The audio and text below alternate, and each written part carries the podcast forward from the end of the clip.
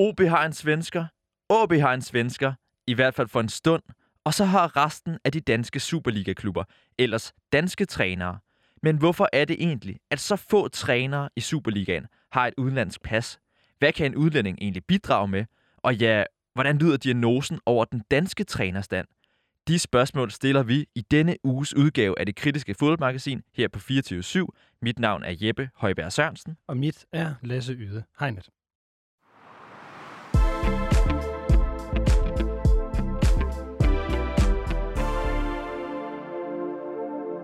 Det er altså denne uges udgave af det kritiske fodboldmagasin her på, på 24-7. Og øh, undervejs den her udsendelse, der skal I høre fra Brøndbys tidligere sportsdirektør Troels Bæk, OB's tidligere træner Mathis Fuentes, øh, partner i rekrutteringsfirmaet One Nexus Morten Seberg og øh, cheftræner i FC Nordsjælland Flemming Pedersen. De kommer lidt senere. Øh, vi, vi skal nemlig lige starte med det her spørgsmål, som, som vi jo stiller her. Hvorfor er der ikke flere udlandske trænere i Superligaen, Jeppe?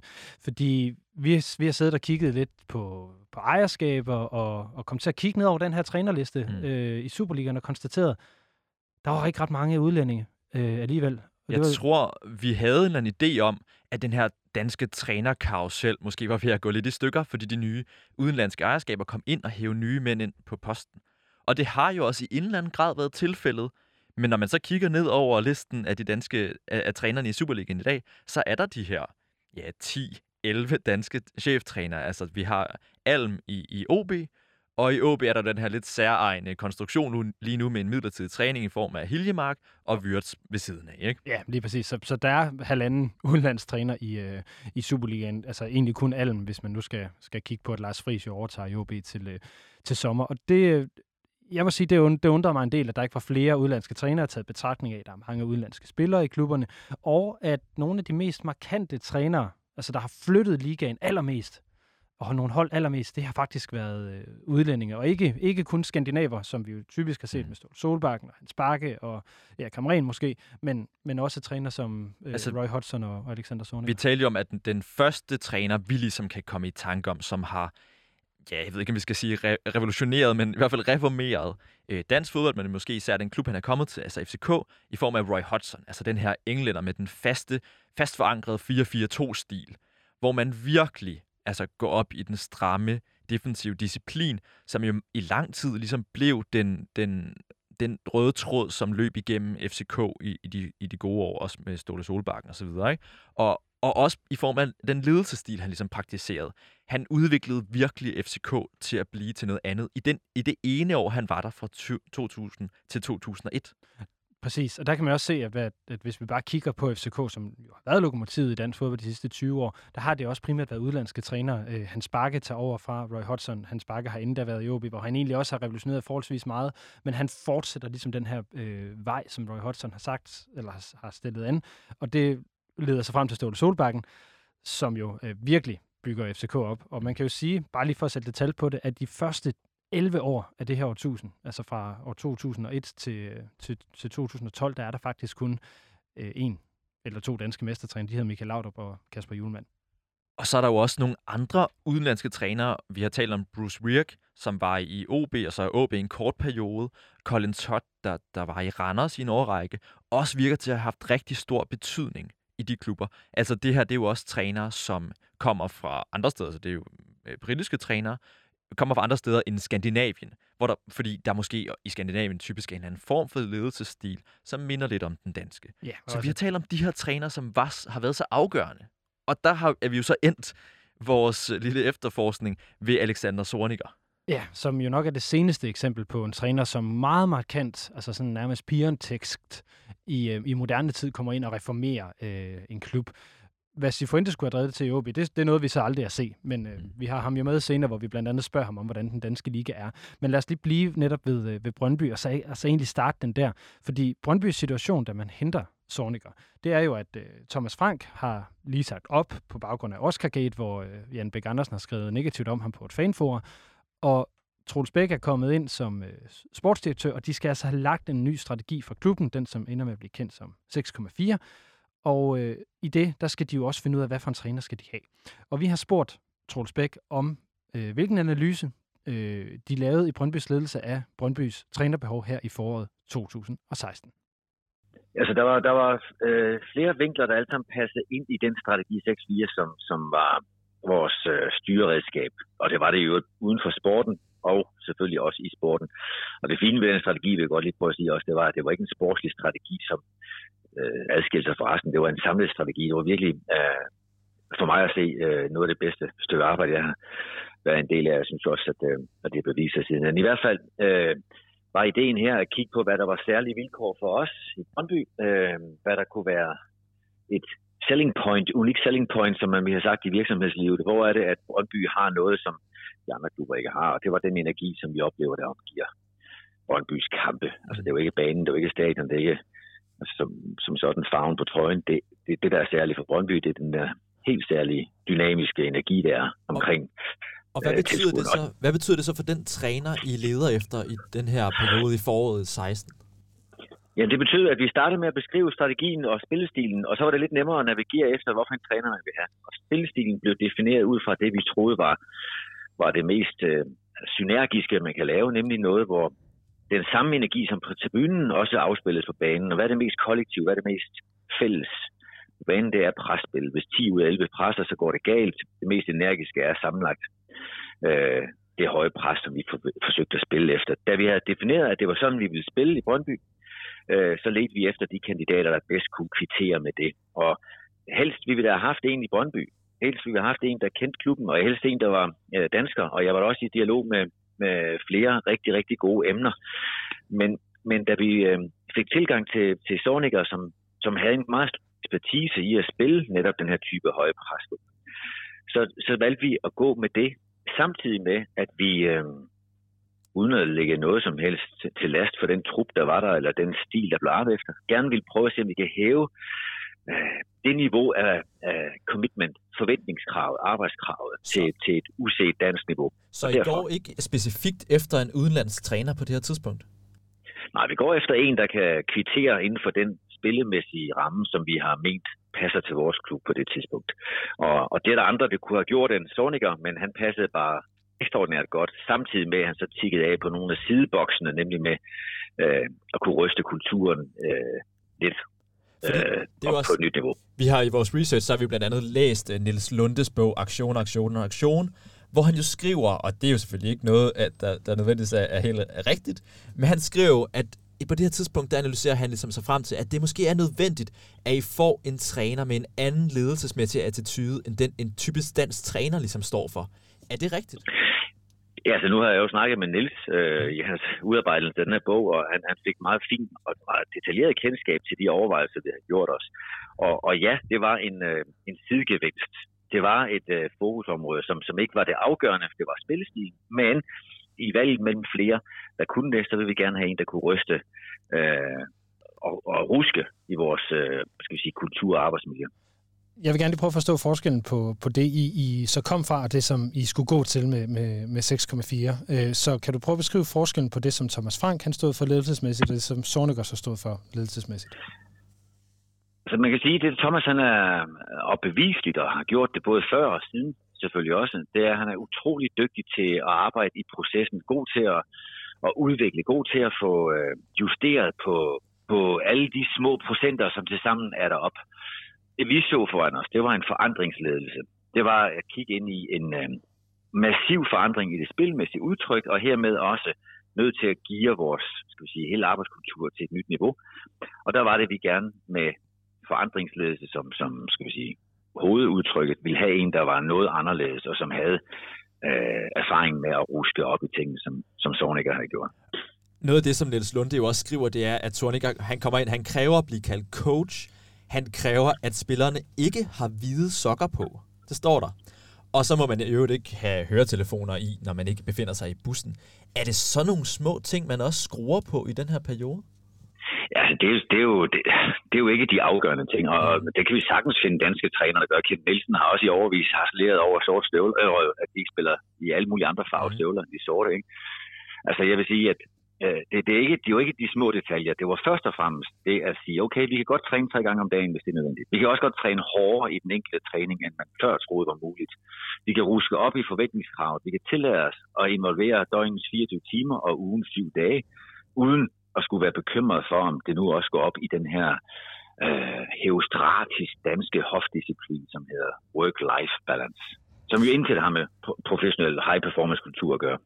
Hvad hedder det, Troels? Nu beder jeg lige mærke det, du, øh, du siger her med, at de stod over for en form for forandringsledelse.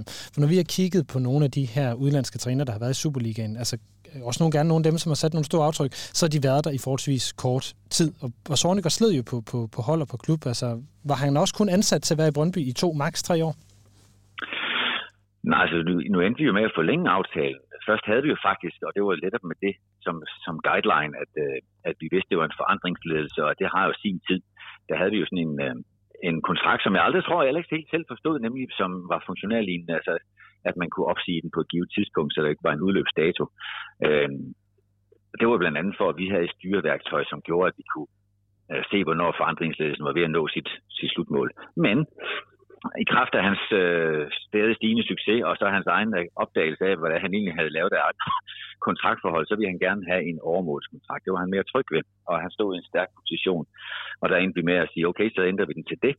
Øh, noget tyder på, at den blev for lang i forhold til den historik, der er. Øh, men det var i hvert fald min tanke, da vi indgik aftalen, at forandringsledelse har en tid. Dernæst, så skal man med Thomas Frank som et strålende eksempel have en, der, der hele tiden kan justere de små detaljer, og ikke kun øh, hiver i de store håndtag. Det er jo selvfølgelig den rigtige mand på, på, på, på det rigtige tidspunkt, kan man sige. Men hvis vi nu kigger lidt mere på overordnet på det her med øh, et, et mere generelt blik måske på udenlandske træner, for der har også været andre udenlandske træner, altså en Roy Hodgson, måske endda en Martin Cifuentes i nyere tid, som er kommet ind, og som har haft et, et måske kortsigtet fokus på at vinde nogle kampe og fokusere på et første hold, og så være på vej videre. Var det nogle overvejelser, I også havde jer på det her tidspunkt? Det var jo ikke en interesse, vi havde, at der skulle komme en, som kun havde den korte, det korte perspektiv, og som kun havde et sigte på, på første hold. Og det fik vi jo heller ikke. Det, det er vigtigt, rigtig vigtigt for en klub som Brøndby, også med den strategi, som vi udformede, og som vi så fik vendt lidt på hovedet i rækkefølgen.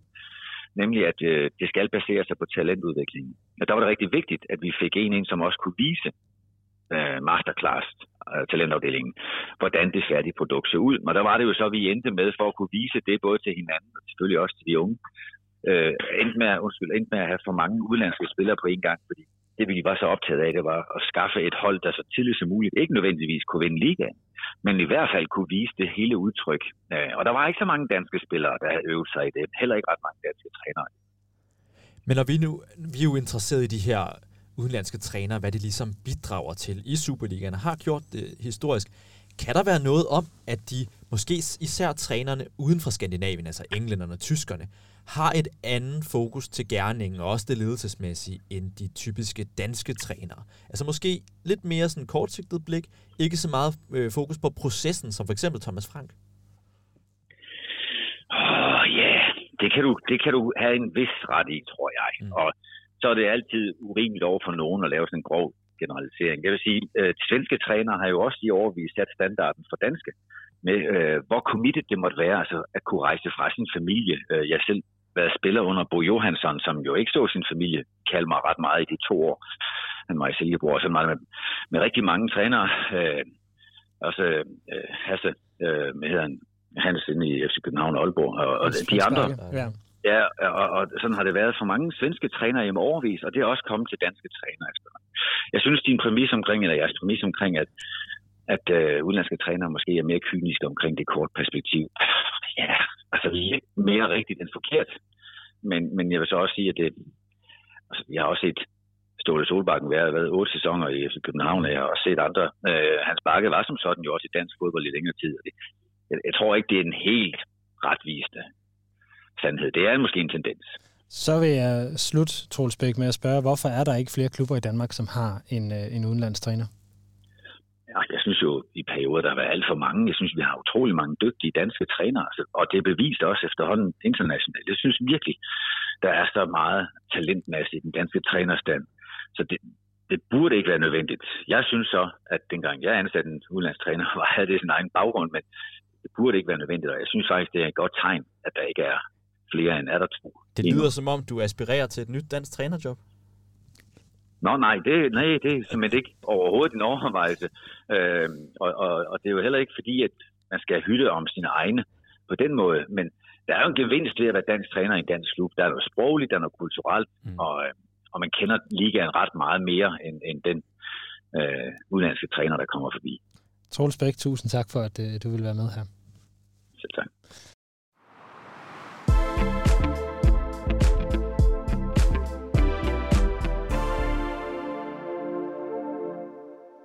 Okay, så vi kommer altså næppe til at se Troels Bæk i, i dansk trænersæde lige øh, rundt om hjørnet.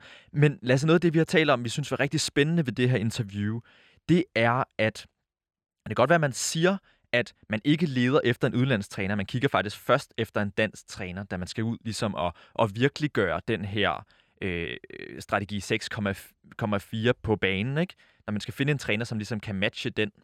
Men alligevel så betoner Troels Bæk jo, at man i Sorniger, og måske også i en anden form for ledelsesstil, finder en måde ligesom at gøre op med den danske work-life balance idé. Ja, lige præcis. Altså det, som der ligger, han siger, der ligger i, øh, i elitesportsmiljøet, at det er, at du ikke har den der work-life balance. Så det, det, det disharmonerer måske en lille bitte smule med den måde, øh, man, man går til det med, øh, med dansk øh, kontekst. Omvendt, så som han jo slutter af med at sige her, så er der måske nogle af de her kulturelle fordele, der er ved, at man, man kender det, man har sproget og, og så videre, som, som en fordel, når man går ind i, øh, i en ny klub. Hvad klubber egentlig tænker, øh, det synes jeg kan være lidt svært at regne ud, fordi han jo også siger, at det, det er jo casebestemt. Hvad, hvad står man i øh, på det pågældende tidspunkt?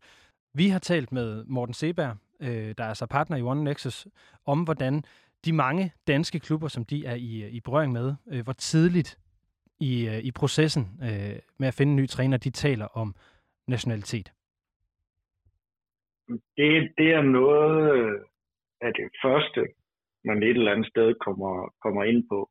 Det er jo, øh, der er forskellige faser i sådan en rekruttering, hvor man går igennem selvfølgelig hele behovsafklaringen, hvor vi kigger på, hvad er det, hvad er det for en strategi, man har som klub, hvad er det, man gerne vil i forhold til øh, retning på kort og lang sigt. Øhm, og derfra går man jo så mere ned i en specifik profil, hvor man så definerer og siger, okay, hvad er det så for en øh, person med, og herunder hvilken baggrund, hvor kommer han fra, hvilken erfaring har han. Øh, der bliver nationalitet og øh, herunder så også specielt sprog jo en del af, af den proces. Hvor hurtigt, øh, eller hvor, hvor ofte møder du, at man efterspørger øh, eller foretrækker en med et andet pas end dansk?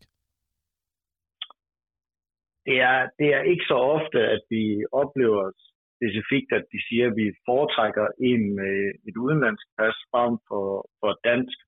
Øh, det er nærmere den anden vej rundt, at man siger ofte, at de foretrækker en med et dansk eller skandinavisk pas. Øh, men findes der øh, et par spændende profiler, som har et udenlandsk pas, og som ellers passer på de kriterier, der er sat op, at så kan de også komme i betragtning til det. Men det er sjældent, at man specifikt ser efter en udenlandsk træner. Er det fordi, at øh, udenlandske træner med et niveau, som passer til Superligaen, er for dyre hen til? Jeg, jeg tror, det er, det, det er mere øh, komplekst end, end som så. Øhm, altså, først og, og fremmest, så, så handler det jo... Vi, nogle gange vi ser det lidt gå i bølger. Øh, så, så det er også lidt med, hvad der, hvad der er inde og, og, og ikke er inde. Og, og lige nu, hvis man kigger rundt omkring i klubberne, så er det her med at skabe sin, sin egen identitet.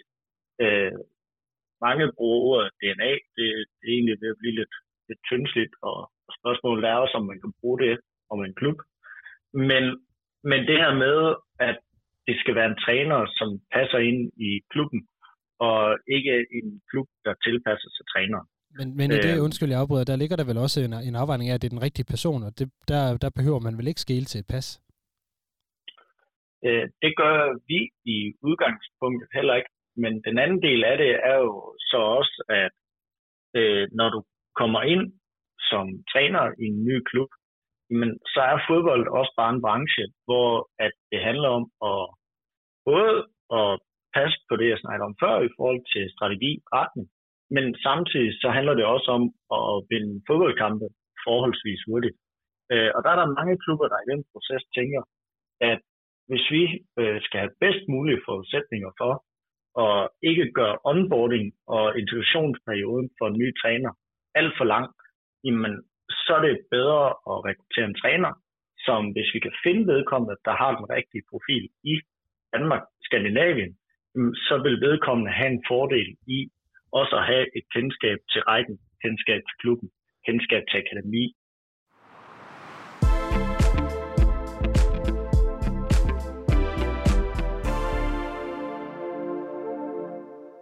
Okay, så det lyder altså på Morten Seberg her, partner i One Nexus, der lever af at rekruttere blandt andet trænere. Som om der er en eller anden øh, problematik indbygget i fodboldens verden. Altså en klub, som skal have en ny træner, vil jo ofte lede efter en forandring. Der skal ske noget nyt. Måske er træneren blevet fyret midt i sæsonen, og man er i berøring med nedrykningsstregen. Eller måske, som vi hørte på Troels Bæk, så skal klubben i en ny retning, på grund af, at man ligesom lancerer en ny strategi. Men så kan problemet på den anden side så bare ofte være, at man ikke har særlig god tid, fordi fodboldverdenen er så kortsigtet en verden. Der skal præsteres i morgen, eller i overmorgen i hvert fald, og der vil det ofte være bedre at få en træner, som ligesom har kendskab til klubbens kultur, akademiet, måske den eksisterende spillertrup, og hele den ledelsesstil, der har været brugt i klubben før, fordi man vil heller ikke have et for stort skift. Lige præcis. Og det, det, det betyder måske, at for at finde svaret på, hvorfor der ikke er flere udlandske trænere i Danmark, at vi skal prøve at kigge på, lidt mere på, hvad er det for en verden, man som udlænding træder ind i, når man træder ind i øh, den danske Superliga som træner. Øh, og øh, der, øh, der synes jeg, vi skal prøve at tale med, øh, eller der har vi talt med den seneste udlandske træner, der har været i Danmark. Det er Martí Cifuentes, som var i, i OB, og selvom han er spanier, så har han en, en baggrund i Norge og Sverige øh, gennem AIK og, og Sandefjord, som måske gør, at han netop er kommet ind, fordi han, han har haft det her skandinaviske perspektiv, samtidig med, at han jo er meget anderledes. Men det, som der, jeg synes, der er interessant i det, det er ligesom, hvad er det, han oplever, da han kommer ind i mm. Superligaen? Hvad er det for en spillestil, han går ind i? Hvad er det for en, en, en spillemæssig verden, han, han skal passe ind i? Øh, jeg tror, der kan være nogle svar på, hvorfor der ikke er flere udlandske trænere i det. Vi har i hvert fald spurgt Matisse Fuentes, øh, hvordan det er at være udlænding i Superligaen. No, first of all, it was a great experience. Um, I, I learned a lot and I was very eager to to try uh, in uh, in the Superliga. So in the overall, it has been a great experience. Obviously, um, it's, it's not the same to to watch and see the games uh, from outside than than to experience the games and uh, the small details. Uh, from every team, from every pitch when you are inside, but it has been in the overall a great, great experience.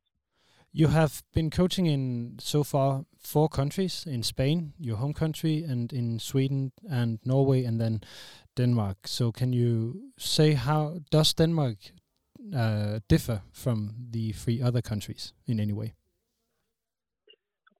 Each league is different. Each league is very different. Uh, in Spain, uh, probably uh, the teams have more capacity to control the games. Um, I usually say that in Spain, the games are quite open uh, until someone can score a goal.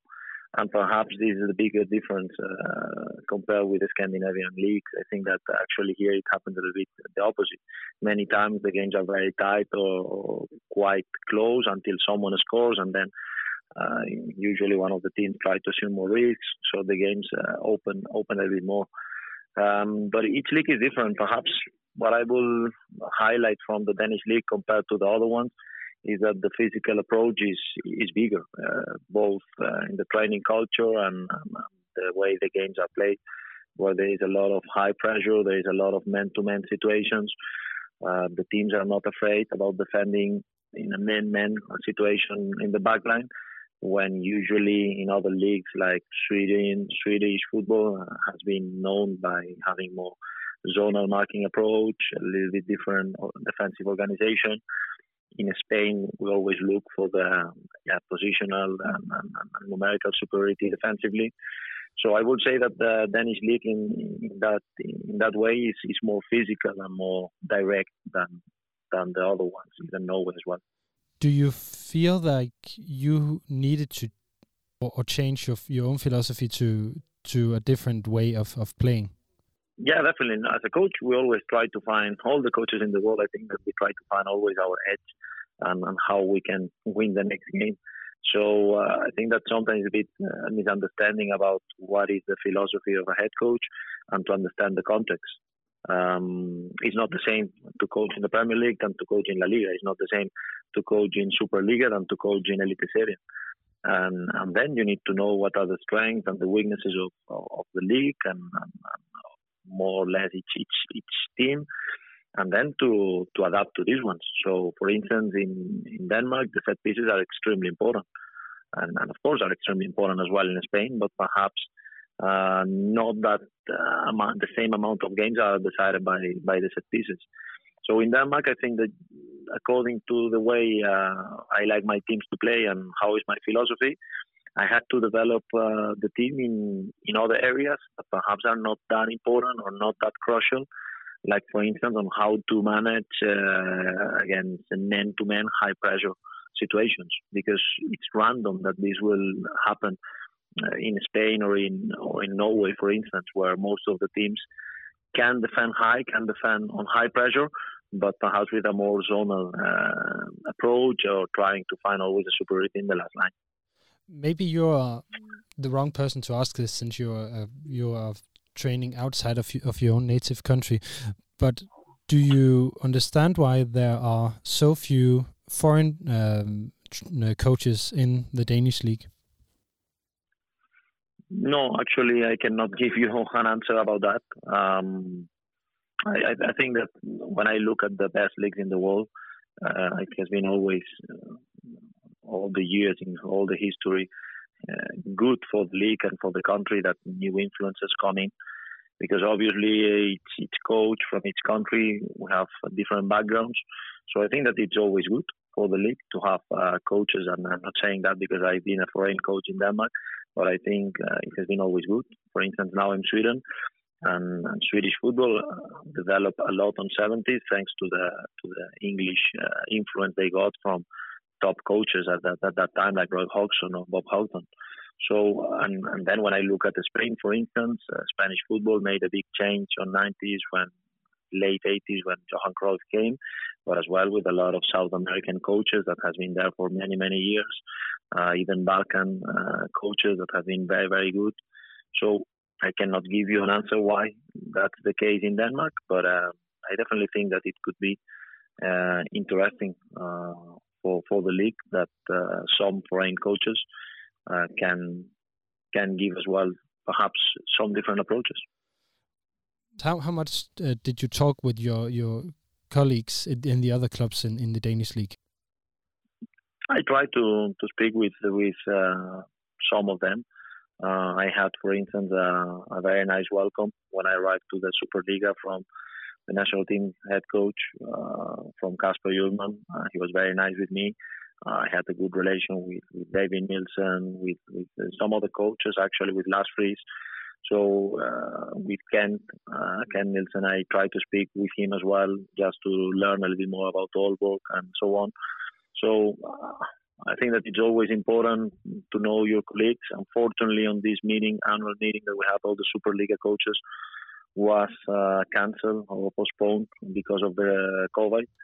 But um, still, you know, both in Norway and Sweden, I, I learn a lot from my colleagues, and, and that was the case as well in in Denmark, and, and actually as well, I learn, of course, a lot from my from my staff. So it's important because then you can share some thoughts to learn more about the league, to learn learn more about about the realities, and and in that part, I watch a lot of Danish football when I arrived to Scandinavia, so I already knew uh, a little bit about how the league works and, and okay the strength of each club and how it is to play away against Nordjylland is not the same that to play away against Odense because how the pitch is, because of many reasons. But um, but yes, I try to I try to do it.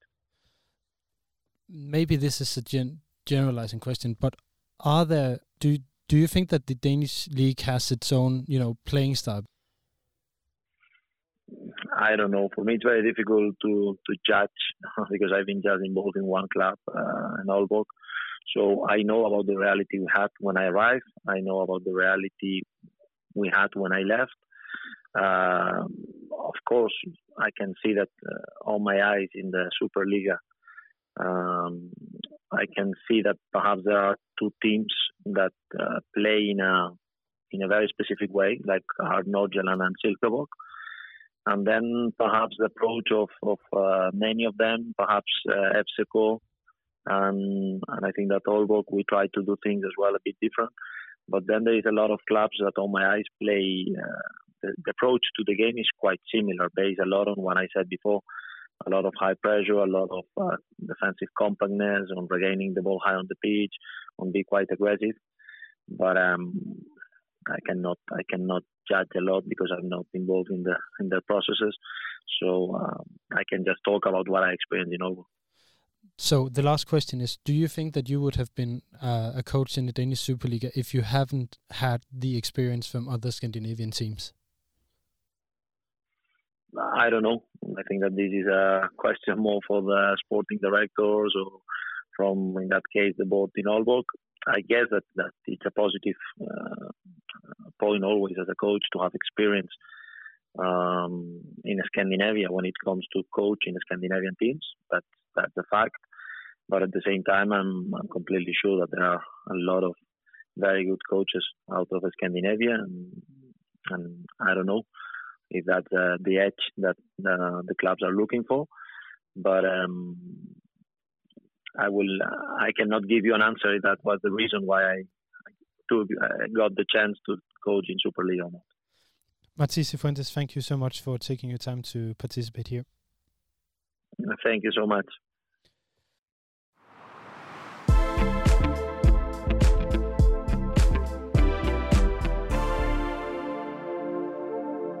Det var altså Matisse Fuentes, der fortalte om at være udlandstræner i, i Danmark. Og jeg bider lidt mærke i det, han, han siger her omkring, øh, at spillestilen egentlig er lidt anderledes, end jeg havde forestillet mig, at den ikke er, at den er så mand til mand øh, fokuseret. Og det synes jeg jo, øh, det ligesom viser, at der er to spor, vi, vi skal køre i her, når, når vi skal kigge på det her med, hvorfor der ikke er flere udlandske træner. Der er et spor, der hedder spillestil, og så er der et spor, der hedder ledelsesstil. Øh, og så ligger der jo også det her andet lag, som, som Troels Bæk var inde på, at de danske trænere egentlig også er blevet dygtigere. Så udover at de har det her kendskab, og der er øh, det her med spillestil, ledelsesstil, så er de, lader det til, blevet øh, som bare fagligt øh, bedre over de sidste 20-30 år, de her danske trænere. Bestemt, så vi vil i, i den sidste del af udsendelsen her, vi vil ligesom prøve at undersøge, hvordan er den, hvordan har den danske trænerstand så egentlig udviklet sig? Og det er jo selvfølgelig ikke noget, man kan få en neutral jagttager til at se på. Men vi har, vi har snakket i et lidt længere interview med, med Flemming Pedersen, FC Nordsjællands cheftræner, men som jo i mange år har været i gamet. Altså han var i, i 90'erne, hvor han ligesom blev cheftræner for, for herre seniorhold for første gang i, i Helsingør. Han var inde omkring FCK. Han har også været øh, på udlandsophold i form af Mainz og Brentford. Han har været nede og besøge mange af de her større trænerskoler rundt omkring i Europa. Blandt andet Ajax. Blandt andet Ajax. Vi spurgte ham først lige, om han er enig i Sifuentes analyse af, at den danske liga faktisk er mere fysisk betonet end mange andre ligaer, også de skandinaviske. Men så prøvede vi også at tage ham tilbage igennem historien, få ham, for, få ham til at fortælle, hvordan han har set udviklingen i den danske Superliga, hvordan han har set udviklingen blandt de danske trænere. Øh, jamen, det kan jeg godt øh, give, ham, give ham øh, ret i. Øh, den er øh, forholdsvis øh, fysisk, og der bliver også tilladt, øh, dommerne tillader mere i, øh, i Superligaen, specielt i, øh, øh, i, i straffesparksfelterne omkring øh, skub og screeninger, end, øh, end vi ser i, øh, øh i andre ligaer i, øh, i udlandet. Og, øh, men jeg vil også tilføje, at jeg synes også, at det er en, en, øh, en taktisk liga. Altså der er øh, flere forskellige eller mange forskellige spillestile i, øh, øh i, øh, i Superligaen, og, og trænerne er øh, i Superligaen har, har høj øh, taktisk øh, faglighed. Han siger jo også, at, at FC Nordsjælland og Silkeborg er nogle af de klubber, der skiller sig ud, altså din klub eksempelvis. Ja, altså vi, vi skiller os Silkeborg også skiller os måske lidt ud med, at vi, øh, vi har så stor fokus på, øh, på spillet øh, med bolden. Og øh, ja, øh, og det med at være proaktiv med, øh, øh, med bold. Øh, så det kan jeg godt øh, følge ham lidt i. Er det, er, er det også et udtryk for den måde, som øh, trænerne i Danmark øh, tænker på, tror du? Øh, nej, det vil jeg ikke. Altså, som jeg siger, så er det en, øh, en taktisk øh, alsidig øh, liga øh, med, med, med mange forskellige øh, træner, øh, trænertilgange. Øh, der er også øh, øh, trænere som, øh, øh, og klubber, som har en tilgang, at øh, hvor det først og fremmest handler om at bryde øh, øh modstanderen ned, øh, inden at man selv øh, begynder at, at være mere konstruktiv med, øh, med bold. Øh, så, så det er øh, igen, Superligaen, det er en, øh, en alsidig liga. Men Flemming, en af de grunde til, at vi også gerne vil have, have dig med i programmet her, det er, at du har jo ligesom jagtaget dansk fodbold igennem mange år efterhånden. Du startede vel din, din trænerkarriere der i 80'erne, og bliver i 90'erne træner for Helsingør. Så vi vil gerne høre, hvordan ser du egentlig på den danske trænerstand, det danske trænermiljø, dengang i 90'erne, særligt i forhold til spillestilen? Hvilken diagnose øh, lagde du ned over, over ligaen dengang, og dansk fodbold i det hele taget? Øh, jamen, der var den, og jeg vil sådan set tage, tage 80'erne med. 80'erne og, mm. øh, øh, og, øh, og 90'erne, øh, det var sådan primært baseret på, at man stillede op efter øh, modstanderne. Mm. Øh, altså det der med, at det handler om at, at få neutraliseret modstanderne, øh, før at man selv øh, blev mere øh, konstruktiv. Øh, så det var, det var tilgangen og det var også, da jeg gik på DBU's træneruddannelse, eller startede DBU's træneruddannelse i, øh, øh i, i 80'erne, at det var også meget øh, møntet på, øh, øh, på den øh, tilgang. Hvad? Og, øh, ja. ja. Hvad er det for en skole, man er inspireret af her, sådan trænermæssigt? Øh, på, øh, på det tidspunkt, øh, der, der er det nok den, øh, den, øh, den tyske, øh, den øh, tyske øh, trænerskole. Øh, også, der blev også, altså den, den engelske kom lidt ind øh, med øh, blandt andet øh, Jan B. Poulsens øh, diplomtræneropgave det i 78, øh, 79. Der, der begyndte at komme lidt øh, ind omkring øh, noget, noget zoneopdækning. Men ellers var det meget mere mand-mand-spillet, og, og så med en sweeper, og, og selvfølgelig også, at øh, dansk fodbold på det tidspunkt var præget af øh, af det danske landshold, og, øh, og øh, Sepp Piontek mm. med, øh, med øh, ja, 3-5-2-systemet, og med, øh, med en, øh, en sweeper og nogle, øh, nogle markeringsspillere. Og, øh, øh, og det er i starten af 90'erne, der havde, da, da FCK blev dannet, der havde B103 også succes med, øh, med Benny Johansen med en, øh, med en fleksibel øh, 3-5-2. Øh, og, øh, og Brøndby øh, kom så med, øh, med Ebbe Skovdal, hvor der kom lidt fokus på, øh, på presspillet. Og hvad er det for en skole, du ligesom bekender dig til, eller du er inspireret af i, i de her år, i, i begyndelsen af din karriere? Øh, ja, det er et rigtig godt spørgsmål, fordi jeg er jo lidt ind imellem øh, den øh, gamle skole, hvis man kan sige, med, øh, med meget fokus på modstanderen, og den, øh, og den nye skole, hvor vi siger, at øh, jamen, vi tager udgangspunkt i os selv og, øh, øh, og spillet med, med bolden. Øh, fordi i min, øh, øh, i min start øh, som, som træner der, start 80'erne, var jeg også lidt, øh, øh, lidt påvirket af øh, at stille lidt op efter, øh, efter modstanderen. Det er jo lidt på deres fejl. Øh, selvom jeg havde øh, Ajax, øh, var meget tilhænger af, af Ajax-stilen, og den hollandske stil fra, fra 70'erne. Og, øh, og så skiftede jeg øh, op igennem 80'erne, specielt med øh, Hollands øh, europamesterskab i, i 88. Mm. Øh, fra, fra det tidspunkt øh, hvor jeg over i den boldgade, hvor, hvor der var fokus på, øh, på eget spil med, øh, med bolden. Og det blev så forstærket med øh, fra starten af 90'erne med studiebesøg i, øh, i Ajax. Og så røg jeg helt over i, i den boldgade med, at jamen, vi har fokus på, øh, på, på spillet med, med bolden. Med min, med min øh, erfaring fra 80'erne, synes også, at den gav det klart bedste øh, spilleruddannelse, hvis vi tænker på udviklingen af den enkelte spiller. Altså savner du den her Ajax-skolen, eller den her mere sådan, tekniske tilgang til spillet der i 90'erne, med, med den type øh, fodbold, der bliver spillet i Superligaen? Nej, altså jeg, jeg ved ikke, om jeg, øh, om jeg savner den, fordi at øh, jeg synes, alle hold i Superligaen er blevet, øh, øh er blevet bedre med, med bolden. Øh, men det vil selvfølgelig ikke gøre noget. Mener også dengang, øh, den, dengang i 90'erne der, på det tidspunkt, savner du det? Ja, ja øh, da, da, da, da savnede jeg det. Der var jeg meget kritisk øh, over, for, øh, over for dansk fodbold. Øh, og øh, selv da vi blev europamester i, i 92, havde jeg sådan en... Altså, jeg var ikke øh, bare jublende lykkelig. Jeg var virkelig glad på dansk fodbolds vegne, men, men jeg var ikke jublende lykkelig over for, øh, øh, over for spillet.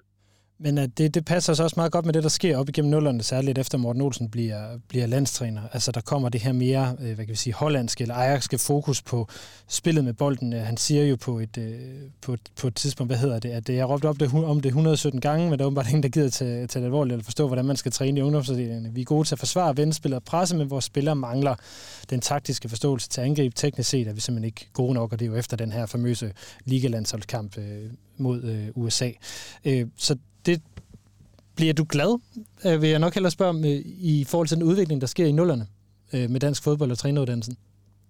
Jeg er meget, meget glad, fordi at det var meget vigtigt med Morten Olsens erfaringer fra, fra Ajax, at det synes jeg var rigtig vigtigt for, for dansk fodbold. Og man kunne også se, at de danske ungdomslandshold lige pludselig, når vi når vi spillede mod store nationer som øh, Frankrig og Spanien, så, vores, øh, øh, så kunne vi begynde at styre kampene. Øh, ikke nødvendigvis vinde dem, men vores opbygningsspil øh, var mere øh, sikkert med, med bolden. Altså vi, vi behøvede ikke, når vi blev sat under pres øh, af de store ungdomsnationer, behøvede vi ikke at, øh, at, at sparke bolden op, men vi havde evnerne til at, øh, at fastholde bolden. Så det var de første tydelige skridt øh, på, øh, på den udvikling, som, øh, som har været i gang i, i dansk ungdomsfodbold. Så Flemming, nu har du selv ikke spillet fodbold på, på højeste niveau, og der sker jo, som vi i hvert fald øh, ser, ser det og har snakket om indtil videre i programmet, noget i Lyngby her omkring 06-08, hvor blandt andet Kasper Julemand er, er cheftræner, og Thomas Frank er i klubben, og Niels Frederiksen er i klubben. Sker der noget nyt taktisk, eller kan man sige, ligefrem sige, der kommer en ny form for, for taktisk øh, eller spillestilsmæssig skole i Danmark? Øh, her i nullerne? Øh, ja, altså med, øh, med inspiration fra Morten Olsen og, øh, øh og DBU. Og øh, så kommer der også nogle, øh, øh, nogle, øh, nogle trænere frem, som også har øh, er blevet inspireret af øh, blandt andet øh, Barcelona og, øh, øh og Johan Cruyff i, øh, der i, øh, i, i start 90'erne og, øh, og Ajax-skolen og øh, samtidig med, at, øh, øh, at presspillet også er ved at, øh, at vinde indpas i, øh, øh, igen. Øh, så, så det med at, at øh, tage initiativ, øh, både med og, øh, og uden bold, at det kommer i, i fokus. Er det også noget af det, som, hvad kan man sige, øh, den her lidt skal vi kalde det nye måde at tænke på, at det er også noget, der hænger sammen med ledelsestilen, og ikke kun det, det spillestilsmæssige? Øh, ja. Øh, måske. Øh, selvfølgelig kommer der et, øh, ja, bare, bare, bare i takt med vores, øh, med vores udvikling som, som mennesker. Altså men, menneskesynet øh, forandres. Altså vi, vi, vi, vi er kommet til at tænke mere holistisk, øh, men, men det er også, øh, det synes jeg, det er også i takt med hele, øh, 90'er-tiden, øh, hvor man taler om den, øh, øh, det selvstyrende menneske, eller op igennem 90'erne, der, der, der var rigtig mange øh, ting omkring, at øh, øh, unge mennesker øh, ville have mere ansvar, øh, og at de kunne, øh, ja, man talte om den, den selvstyrende generation, og at vi som, øh, som, som ledere skulle være klar på at tage, øh, øh på at tage imod øh, unge mennesker øh, i vores, øh, ja, både i vores klubber, men også øh, i, øh, øh, i, øh, i organisationer, at det var ikke nok med øh, øh, en, øh, en stor løn eller en, øh, eller en tydelig rolle. Øh, det var vigtigt, at øh, altså, der skulle være mere frihed, der skulle skabes nogle rammer, øh, hvor de unge mennesker kunne øh, udfolde sig. Er det Altså er det også blevet så det almen gældende for, for alle trænere øh, i dag, at man taler om det hele menneske, når man skal tale om at være en god øh, træner i en Superliga-klub? Øh, ja, det tror jeg. Jeg tror, at alle, alle trænere er, er meget bevidste om, øh, øh, omkring det. Øh, fordi at øh, kæft, trit og retning, det, øh, det, det fungerer ikke i vores dage mere. Hvorfor gør det ikke det? øh, jamen det vil, øh, Øh, det, det vil folk ikke finde sig i. Altså de vil ikke, øh, de vil ikke føle sig øh, begrænset. Selvfølgelig har, har, har nogen, nogen har brug for knap så frie rammer end, øh, end andre, øh, men, øh, men generelt øh, er rammerne blevet, øh, blevet frie, øh, fordi at der er meget mere integritet i, øh, i mennesker i, øh, i, i vores dage. Altså mennesker i, i vores dage, frem for for, øh, for 30 år siden, øh, der er øh, de er blevet mere bevidste omkring deres øh, egne værdier. Øh, hvad vil de være med til, og hvad vil de ikke være med til? Og Flemming, du kommer jo selv til at arbejde sammen med, øh, med Kasper Julemand, som jo i dag virkelig er kendt for, for den her meget holistiske øh, ledelsesstil. Øh, det gør du både i FC Nordsjælland, du gør det også øh, kort i Minds, sådan som jeg, jeg, jeg husker det. Øh, er du samme type leder eller som, som, som Julemand på den måde? Øh, overordnet, overordnet ja, øh, selvom der er store øh, øh personlige øh, forskelle. Øh, så vil jeg sige overordnet ja. Og det var selvfølgelig også derfor, at vi, øh, vi havde et så godt samarbejde, fordi overordnet har vi de samme øh, værdier, og vi har den samme tilgang til, øh, til mennesker. Så, så at, at det er en særlig skole i, undskyld, det bliver helt religiøst, men øh, som I bekender jer til? Nej, altså jeg, jeg, jeg ved ikke, om man kan kalde det, om man kan kalde det skole. Øh, altså det, det er jo igen, at det er jo øh, det, det er jo bundet, eller det, det munder ud i nogle erfaringer.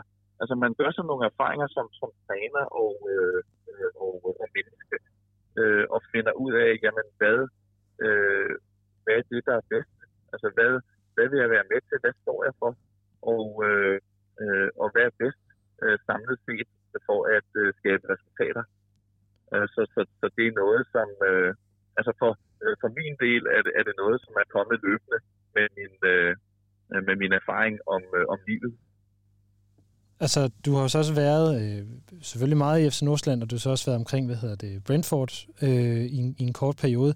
Fordi vi har også talt om, at Lyngby ligesom var det hotspot tilbage i, i nullerne, hvor der ligesom skete noget i forhold til, til en trænerudvikling, altså igen med Julemand og Frank og, og Niels Frederiksen. Hvor, hvor ser du, der er et hotspot hen i dag for den her øh, måde at udvikle træner på? Øh, vi har jo snart selvfølgelig snakket om, er det Nordsjælland, er det Brentford, øh, eller er det måske et helt tredje sted?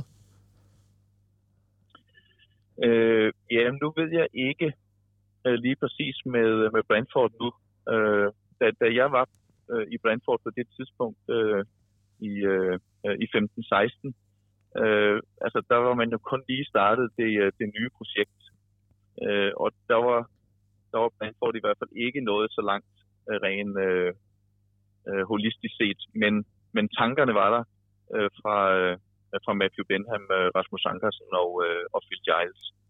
Øh, og, og jeg har ikke, jeg ved ikke lige præcis, hvor langt man er kommet den dag i dag.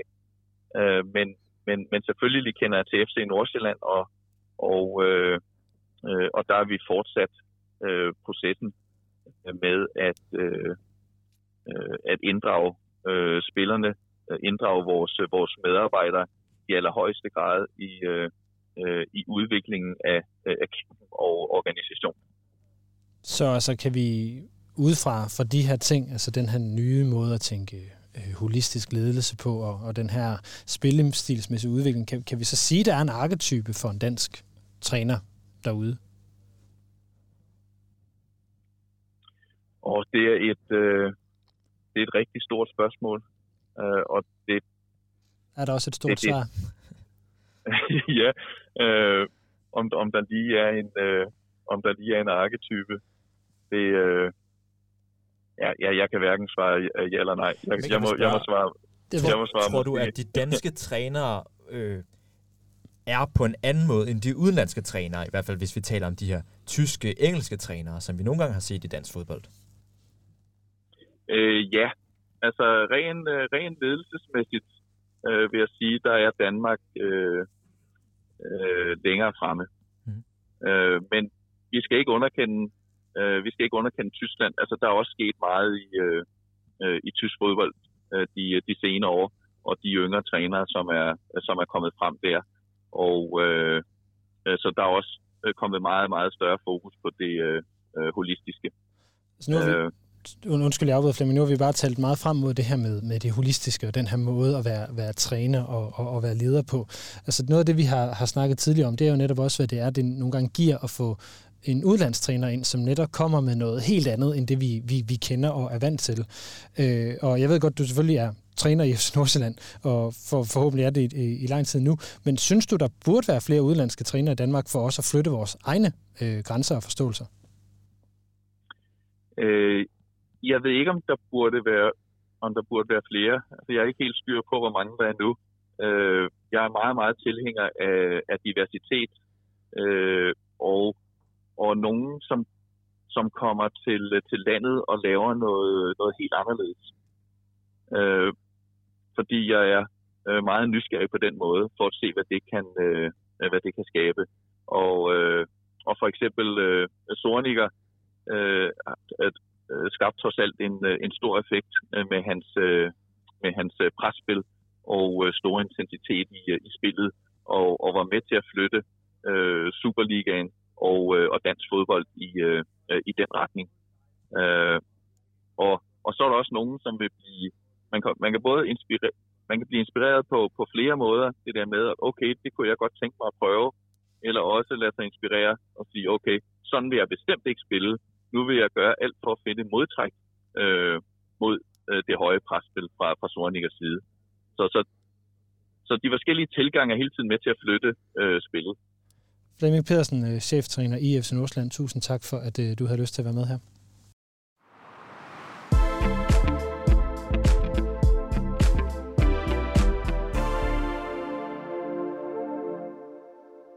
Det er jo altså de perspektiver, vi nåede rundt om i forhold til vores undersøgelse af, hvorfor der lige nu er så få udenlandske trænere i, i den danske Superliga. Men Lasse, før vi runder helt af, synes du egentlig, vi har fået svar på vores nysgerrighed? Er vi kommet et eller andet nyt sted hen? Jeg synes i højere grad, vi har fået forklaringer, end, end vi måske egentlig har fået et, øh, et konkret eller decideret svar på det. Altså, men omvendt skal vi også sige, hvis vi kigger ud i, det, i den store fodboldverden, så er det meget typisk, at der er få udenlandske trænere. Det er kun Belgien og, og, og England, der, der, stikker, der stikker ud. Altså, de andre danske, ikke danske, men skandinaviske liga har også et lavt antal. Selv Italien har, så vidt jeg ved, kun fire øh, udenlandske trænere siddende. Så jeg synes jo stadigvæk, det tyder på, med de forklaringer, vi har fået, at, øh, at udlændinge kommer ind med nogle, med nogle nye perspektiver og er med til at, at, at flytte dansk fodbold. Og i øvrigt så ser vi jo, at de bliver ved med at, øh, at komme i Michael Boris og i Peter Hyballer. Men der er jo nok bare det ved det, som vi ligesom også har, har synes jeg, kommet frem til. Der er måske en anden risiko forbundet ved at hive en udenlandstræner ind. Og det er jo ligesom spørgsmålet, hvor villige er klubber til at løbe den risiko? Det var det kritiske fodmagasin for denne uge. Øh, mit navn er Lasse Hegnet. Og mit er Jeppe Højberg Sørensen, og vi lyttes ved i næste uge.